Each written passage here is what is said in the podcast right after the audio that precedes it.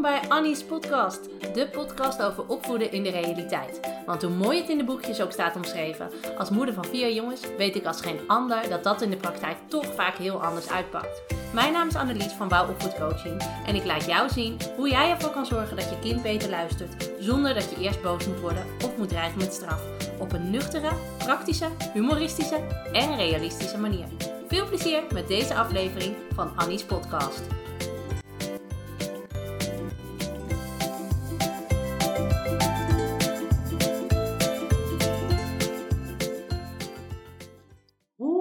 Kind uit een driftbui? Nou, ik kan je zeggen, dat is echt met stip de nummer één vraag die ik krijg van ouders. Wat doe ik als mijn kind boos is? Hoe zorg ik er nou voor uh, dat hij weer rustig wordt, et cetera, et cetera. Nou, dat is natuurlijk een super logische vraag, want uh, ik weet hoeveel strijd dat kan schelen. Als je weet hoe je je kind weer rustig kan krijgen in een driftbui. Nou, als ik dan aan mensen vraag van, joh, hè, wat, wat heb je al geprobeerd? Krijg ik eigenlijk heel vaak, uh, ja, ik heb het op de lieve manier geprobeerd, hè, door mijn kind te troosten, door te benoemen dat ik zie dat hij boos is, want dat lees je overal. Um, ik probeer hem te laten inzien dat het niet nodig is om boos te worden. Ik probeer hem te helpen door aan te geven uh, hoe hij die situatie anders had kunnen aanpakken, nou ja, et cetera, et cetera. Maar ja, op een gegeven moment is je geduld gewoon een keer op en dan roep je boos. Als het nou niet afgelopen is, mag je vandaag niet meer op de tablet. Maar ja, je kind wordt er niet rustiger van. Uh, sterker nog, die driftbui wordt vaak alleen maar erger. Zowel van de lieve manier als van de strenge manier um, wordt je kind vaak alleen maar bozer. En dan stampt hij naar boven en zegt hij: Jij begrijpt er ook helemaal niks van. En jij denkt, ja, je hebt gelijk, want ik snap inderdaad niet um, wat er met je aan de hand is. En ik heb geen idee wat ik moet doen om je weer rustig te krijgen. Nou, ga je uitleggen hoe dat komt. Hoe komt het nou dat je kind alleen maar bozer wordt als jij hem probeert te kalmeren? Want eigenlijk is het helemaal niet zo ingewikkeld. Als wij als ouders ons gaan verplaatsen in hoe uh, ons kind zo'n situatie ervaart, dan is het opeens veel logischer en is het opeens ook veel makkelijker om te begrijpen waarom je kind reageert zoals die reageert.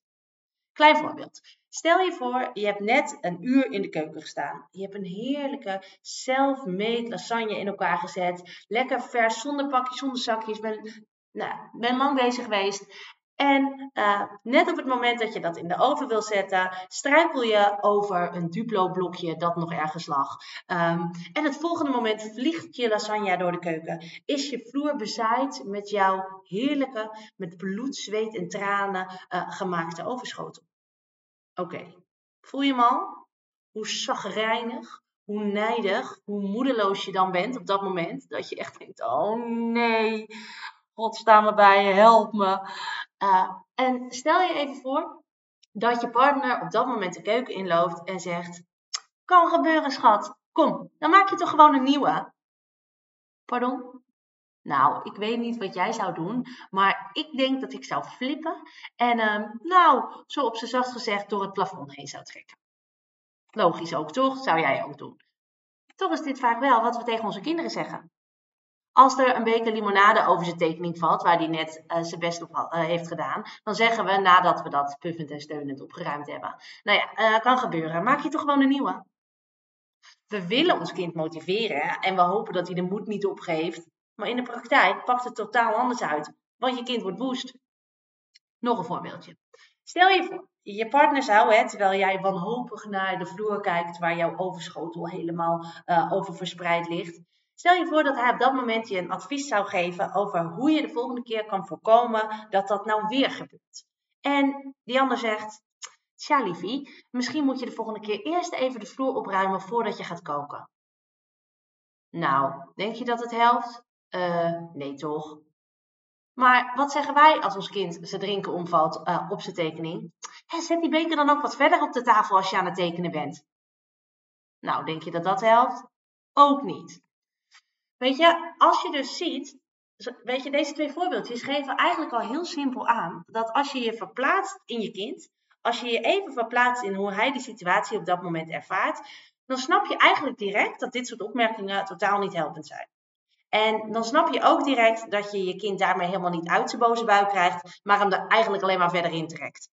Nou, wat kan je dan wel doen om uh, je kind uit een driftbui te krijgen? Ook dat is eigenlijk heel simpel. Stel die vraag gewoon eens aan jezelf. Wat heb ik nodig als ik boos of verdrietig ben? Want dat is hoogstwaarschijnlijk wat je kind ook nodig heeft.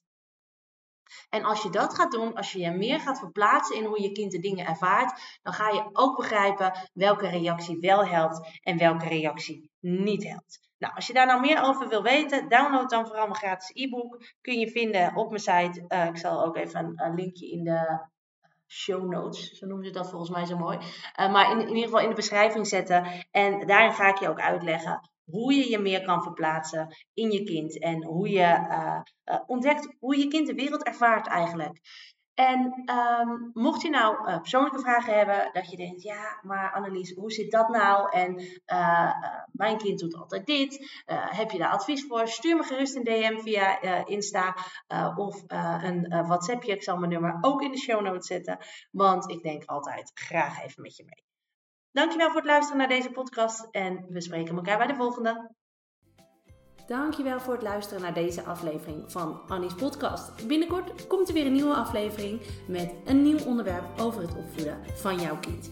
Kun je niet wachten en wil je meer? Volg me dan op Instagram. Zoek me even op via uh, wow-opvoedcoaching. Daar deel ik iedere dag tips om het opvoeden leuker en makkelijker te maken. Wil je nog meer weten over realistisch opvoeden? Ga dan naar mijn website www.wouwopvoedcoaching.nl slash gratis. Daar kun je mijn gratis e-book downloaden. Ontdek hoe jouw kind de wereld ervaart. Dan laat je zien waarom jouw reacties op het gedrag van je kind de boel vaak alleen maar erger lijken te maken. Nou, vond je deze podcast interessant? Uh, zou ik het hartstikke leuk vinden als je een aantal sterren achterliet in je favoriete podcast app. Um, daar word ik blij van. Ik spreek je in een volgende aflevering van Annie's podcast.